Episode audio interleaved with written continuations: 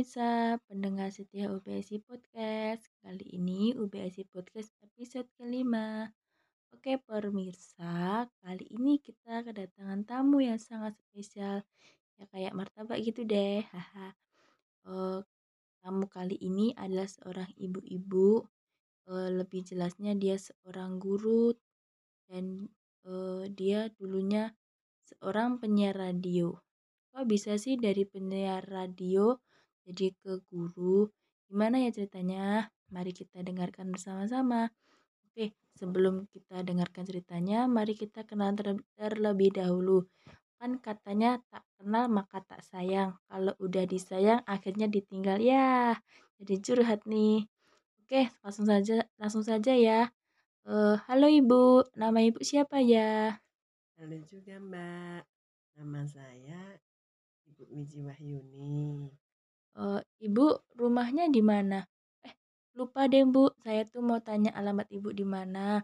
Kalau saya tanyanya rumah Ibu di mana, pasti Ibu jawabnya uh, ditinggal lah, nggak dibawa ke sini, pasti gitu kan Bu?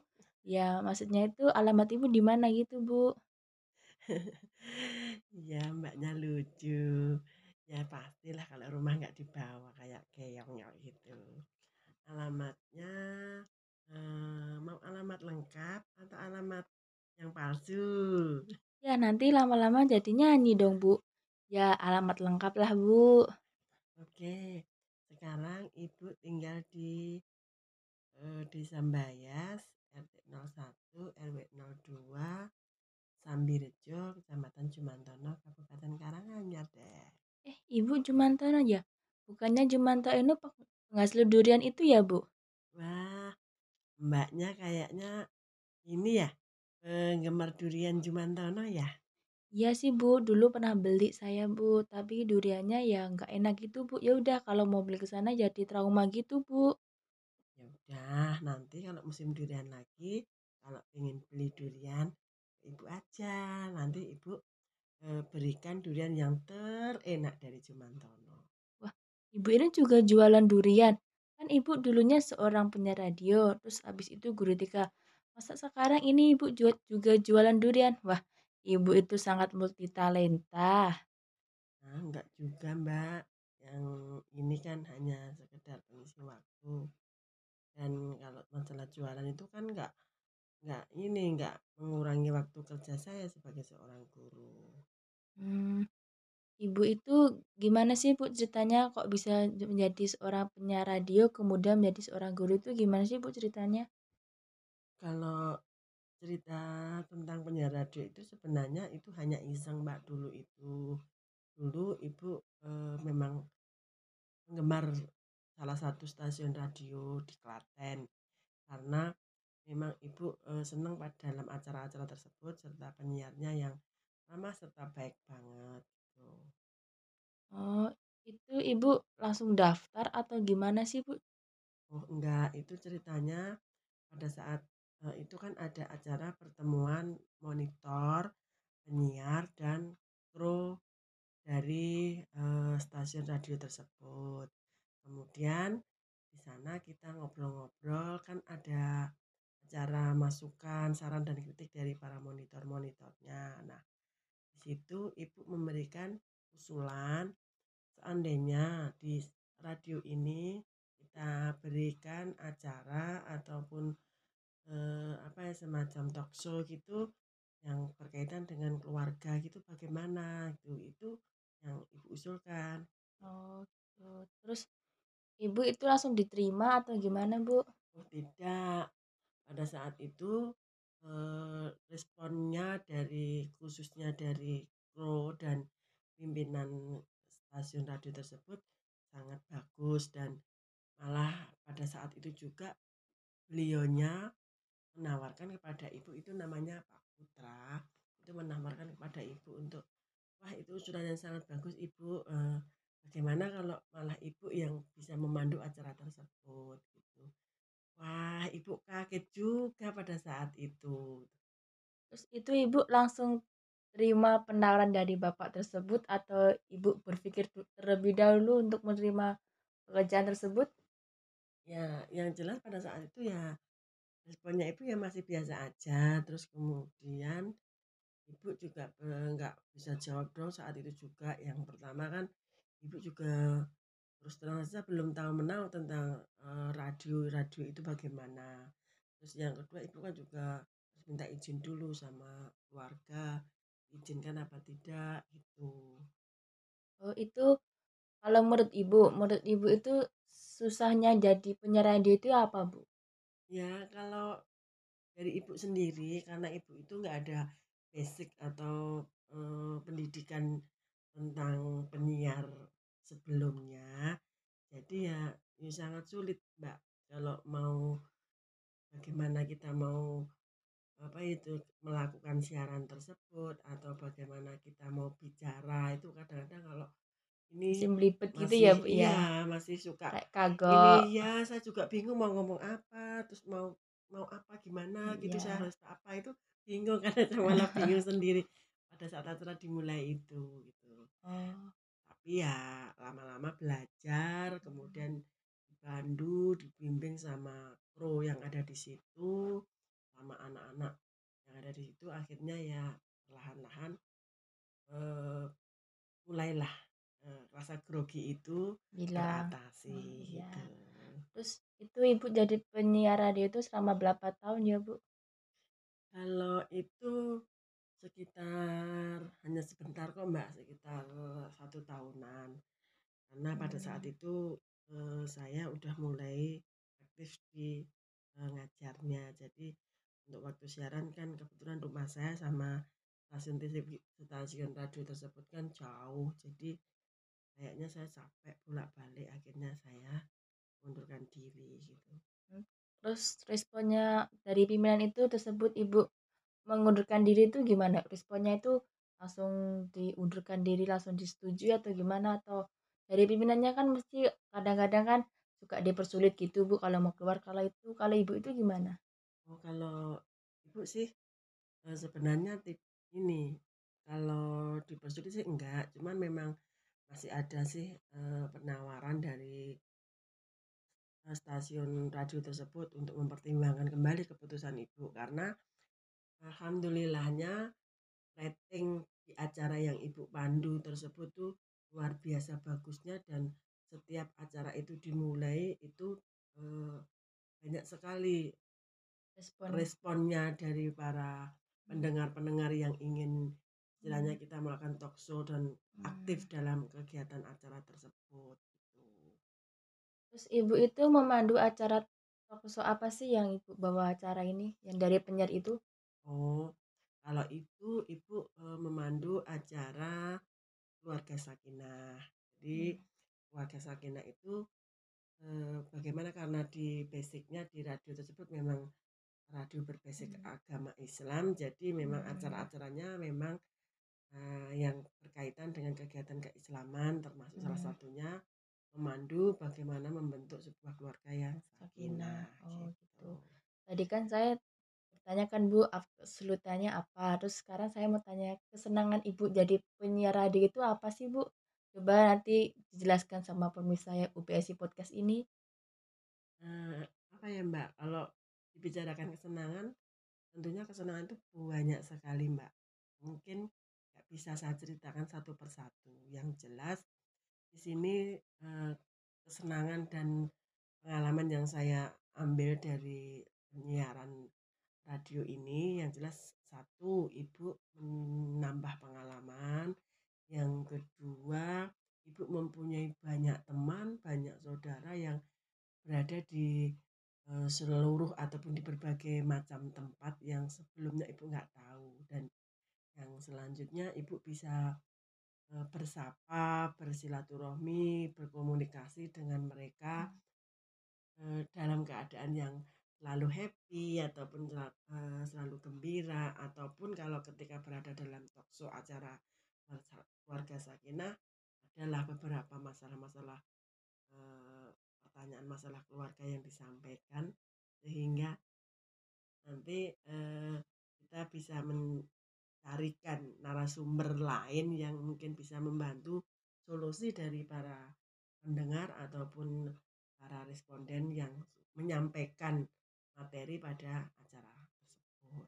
Itu caranya kalau mau konsultasi ke ibu, kak tadi kan katanya ibu jadi keluarga sakinah. Itu itu lewatnya itu SMS atau email atau WhatsApp itu gimana bu cara cara kita bisa kayak curhat gitu? Oh, kalau yang pada saat acara on air tersebut eh, ada yang melalui telepon via telepon, ada yang menyampaikan via WhatsApp ataupun SMS karena pada saat itu WhatsApp belum begitu eh, terkenal ya. Pada saat itu belum begitu booming ya hanya orang-orang tertentu saja yang mempunyai WhatsApp. Pada saat itu memang masih eh, sebatas SMS Itu tahun berapa sih bu kalau boleh tahu? itu tahun berapa ya ibu? Lupa. Sekitar tahun 2000 berapa ya? 2009 2008 2009 mbak Terus tadi kan ibu katanya sebelum jadi penyiar radio itu kan harus berkonsultasi bersama keluarga. Posisi itu ibu udah mempunyai anak apa belum sih bu? sudah mbak saya sudah punya satu anak kemudian saya pada saat itu eh, sudah anak saya sudah besar kemudian saya sudah mulai eh, mengajar mengajar di sebuah lembaga pendidikan taman kanak-kanak dan dari yayasan saya diminta untuk aktif di eh, lembaga tersebut untuk bisa full full day ngajar di lembaga tersebut. Jadi waktu saya untuk ke stasiun radio sudah mulai ya keteteran lah mbak waktu saya gitu. Hmm, oh ternyata ibu ini guru TK kan? Oh pantes ibu kok kayaknya ibaratnya muka-mukanya ini kok kayak orang gembira terus kan kan suka, biasanya kan anak kecil kan suka kayak di apa ya di ya istilahnya dikutang gitu lah bu biar gampangnya. Terus itu TK itu dari umur dari dari TK itu udah tahun berapa sih bu? Ibu masuk TK itu dari jadi guru TK maksudnya. Kalau masuk guru TK-nya sih sebenarnya sudah ta dari tahun 2000 mbak. Cuman pada saat itu ibu masih belum begitu full day di sekolah di lembaga tersebut karena masih ibu masih harus itu tadi karena ibu masih suka siaran suka ngisi-ngisi acara gitu jadi belum belum full gitu loh mbak. Tapi setelah tahun 2008 itu ibu mulai full belajar di TK kemudian sampai sekarang ini profesi saya sepenuhnya eh, menjadi guru TK gitu. Itu dari ibu sendiri apa niatan jadi guru atau gimana sih? Kan kebanyakan orang kan kalau dari kecil cita-cita aku menjadi dokter itu nanti nanti pesannya kesampaian. Terus ibu dari kecil itu cita-cita ibu mau jadi apa sih bu? Kok bisa jadi penyiar radio bisa menjadi seorang guru itu awalnya cita-citanya ingin jadi apa sih bu? Kalau kalau kalau saya boleh tahu? Kalau cita-cita ibu tuh sebenarnya eh, bukan bukan guru TK sebenarnya memang berawal cita-cita ibu itu sebenarnya eh, tadinya sebelum jadi penyiar radio itu ibu ingin sekolah di eh, lembaga pendidikan Al-Quran AMM Jogja nah pada saat itu ibu eh, ketika sedang menjalankan ujian eh, ibu tidak lulus di sana karena ibu pada saat itu anak ibu di rumah sakit kemudian pikiran ibu nggak bisa fokus akhirnya Hmm. ujian di sana gagal nah ketika gagal ujian itu ibu mau pulang itu rasanya gimana gitu terus ibu akhirnya Hmm. mampir di uh, temannya ibu yang kebetulan lagi pada saat itu lagi siaran radio nah dari Hmm. situlah kemudian ibu belajar tentang uh, Penyiar. penyiaran gitu nah Oh. setelah itu ibu akhirnya fokus di uh, pendidikan guru TK itu awalnya itu ibu juga nggak nggak langsung ngajar di TK ibu eh, sudah aktif menjadi guru TPG dari mulai remaja sampai itu ibu eh, ngajar TPG Taman Pendidikan Al-Quran itu Oh. di kampungnya ibu Oh, Nah, jadi ibu juga guru TPA gitu, Bu. iya alhamdulillahnya pada saat itu ibu bertemu dengan eh, dicari sama salah satu guru yang ada di sana untuk minta tolong sama ibu agar dibantu ngajar di eh, TK Sambirjo 3 karena pada saat itu guru TK Sambirjo 3 itu sedang melahirkan jadi sekolahnya nggak ada gurunya kemudian saya ditawari oleh, guru tersebut. Terus jadi itu itu cuma gara-gara ditawari mau apa enggak gitu, Bu? Iya, jadi saya juga bilang sempat pada saat itu, eee, "Mbak, tolong dong bantu ngajar TK ini karena ibu gurunya sedang melahirkan," gitu. Terus pada saat itu, Mbak, eee, saya jawabnya juga ini, "Mohon maaf Ibu, saya kan nggak nggak ini, nggak sekolah guru, jadi saya nggak bisa, eee, ngajar ngajar TK." Jawabnya ibu itu, "Oh nggak apa-apa Bu, sama kok sistemnya dengan Ibu kan sudah punya pengalaman ngajar TPA, jadi kurang lebihnya seperti itulah." Gitu. Tadi kan saya sudah bertanya tentang apa kesulitan dan apa kesenangan yang jadi penyiar radio. Nah sekarang saya mau tanya, eee, sulitnya jadi guru TK itu apa sih, Bu? Kan kebanyakan ada yang misalnya kayak, eee, muridnya nangis atau gimana itu menurut Ibu gimana sih? Menurut Ibu kesulitan jadi guru TK itu apa? Kalau kesulitan itu apa ya? Kesulitannya eee, menurut saya sih kesulitan nggak ada ya, Mbak, hanya saja memang di sini kita butuh sebuah kesabaran, sebuah ketelatenan, bagaimana kita bisa, eee, merengkuh dan mendekap anak itu untuk merasa nyaman dengan kita. Soalnya kalau anak-anak itu, khususnya anak TK itu, dia nggak butuh, eee, sebuah materi pembelajaran yang seperti anak-anak SD, SMP, atau SMA itu, Mbak. Kalau anak-anak itu hanya mereka butuh ditemani untuk bermain. Nah, dalam bermain mereka itu kita memberikan sebuah pelajaran. Jadi prinsip belajar di TK itu adalah bermain sambil belajar, begitu. Oh, terus kesenangan Ibu jadi guru TK itu apa sih, Bu? Nah, kalau kesenangan itu, wih senang banget, Mbak. Eee, setiap pagi kita kita baru datang, itu baru sampai pintu gerbang itu sudah disambut anak-anak, "Bu guru datang Bu guru datang." Itu mereka mengucapkan salam, mereka cium tangan, mereka rebutan untuk bawain tasnya Bu guru. Nah, di situ itu, eee, kita bisa merup eee, melupakan sesaat sejenak apa yang tadinya mungkin ketika di rumah mungkin agak capek, agak males, ketika sampai di sekolahan, melihat senyum mereka, melihat canda mereka, melihat manja mereka, semua itu akan hilang. Makanya kita menjadi happy fun dan senyum-senyum dan senyum saja yang kita berikan sama anak-anak. Gitu ya, Bu, ya. Eee, kan kan kadang-kadang anak kecil kan suka iseng ya, Bu, ya. Itu kalau menurut Ibu itu juga apa ada yang iseng-iseng kayak, eee, cubit temennya, kayak, eee, ngambil bolpoinnya atau gimana, itu ap apa ada sih, Bu, di di TK-nya Ibu?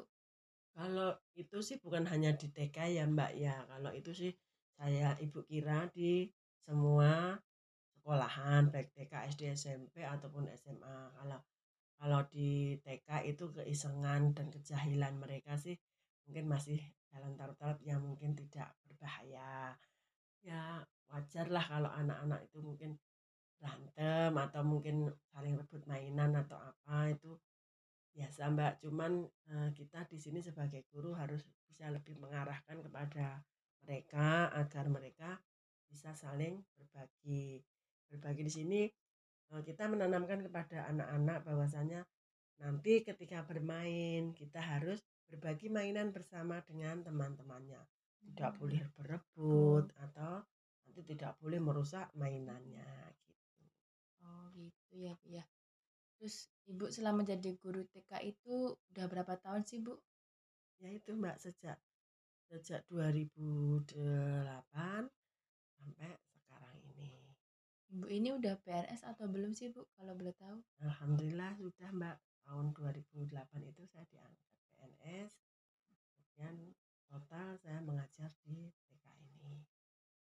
Itu Ibu kan katanya kalau jadi guru itu kan kadang-kadang dipindah-pindahkan, Bu. Itu Ibu apa juga seperti itu sih, Bu?